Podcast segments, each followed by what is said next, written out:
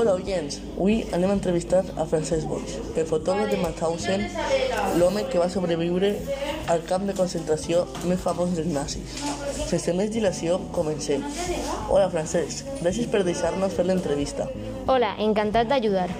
Molts sabem que, que vas estar en Mauthausen, però podries contar-nos alguna cosa sobre la seva vida prèvia a l'experiència del camp? Vaig néixer l'any 1920. Al barri de Poble Sec, de xiquet, jugava amb la pilota i ajudava el meu pare, que era sastre. I quan et vas incorporar a l'exèrcit? Quan tenia 17 anys vaig començar a lluitar al front d'Aragó. Lluitava contra les, els sublevots de Franco amb els meus companys de les Joventuts Socialistes Unificades de Catalunya. Érem un grup de republicans. I quan vas terminar de lluitar? Em vaig exiliar a França l'any 1939, quan el meu bàndol va perdre. Vaig estar dos anys intentar fer una nova vida. Però l'any 1941 els nazis em van capturar i portat al camp de concentració. Quan vas arribar, què et va quan vas arribar i què et va sorprendre més? Eh, vaig arribar a, al 1400 1941 i em va sorprendre molt la duresa amb la qual tractaven els presos. No els tractaven com humans, els tractaven com animals. L'escala de mort també era sorprenent. Quina escala? L'escala de la mort. És molt desagradable parlar d'això, però en resum era una escala feta amb pedres de granit molt pesades. Molts presos van morir transportant-les.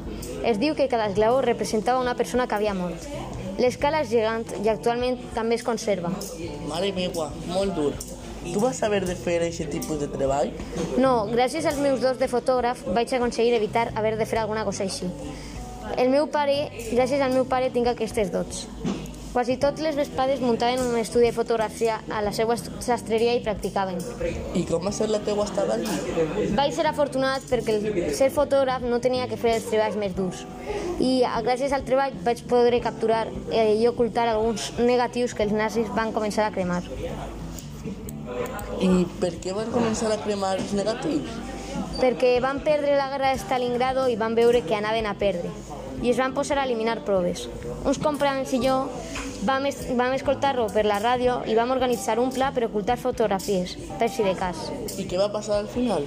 Els alemanys van perdre la guerra i van fugir mentre els atacaven els russos. Els presos es van quedar al camp, vam agafar armes i netejar-ho, o millor dit, destruir tot el camp tot el rastre nazi. Jo vaig fotografiar-lo tot i tots els negatius que vam agafar es van recuperar. I què va passar després de tot, de tot allò? Hem anat al jutjat i guanyat el judici de Nuremberg. Després d'un any molts amics van morir i molts van sobreviure, però en resum ha sigut molt dur. Gràcies per contestar-nos la teua història. Ha sigut un plaer. Adeu i disfruta de la, seua, de la teua vida sense camp. Ho faré. Adeu.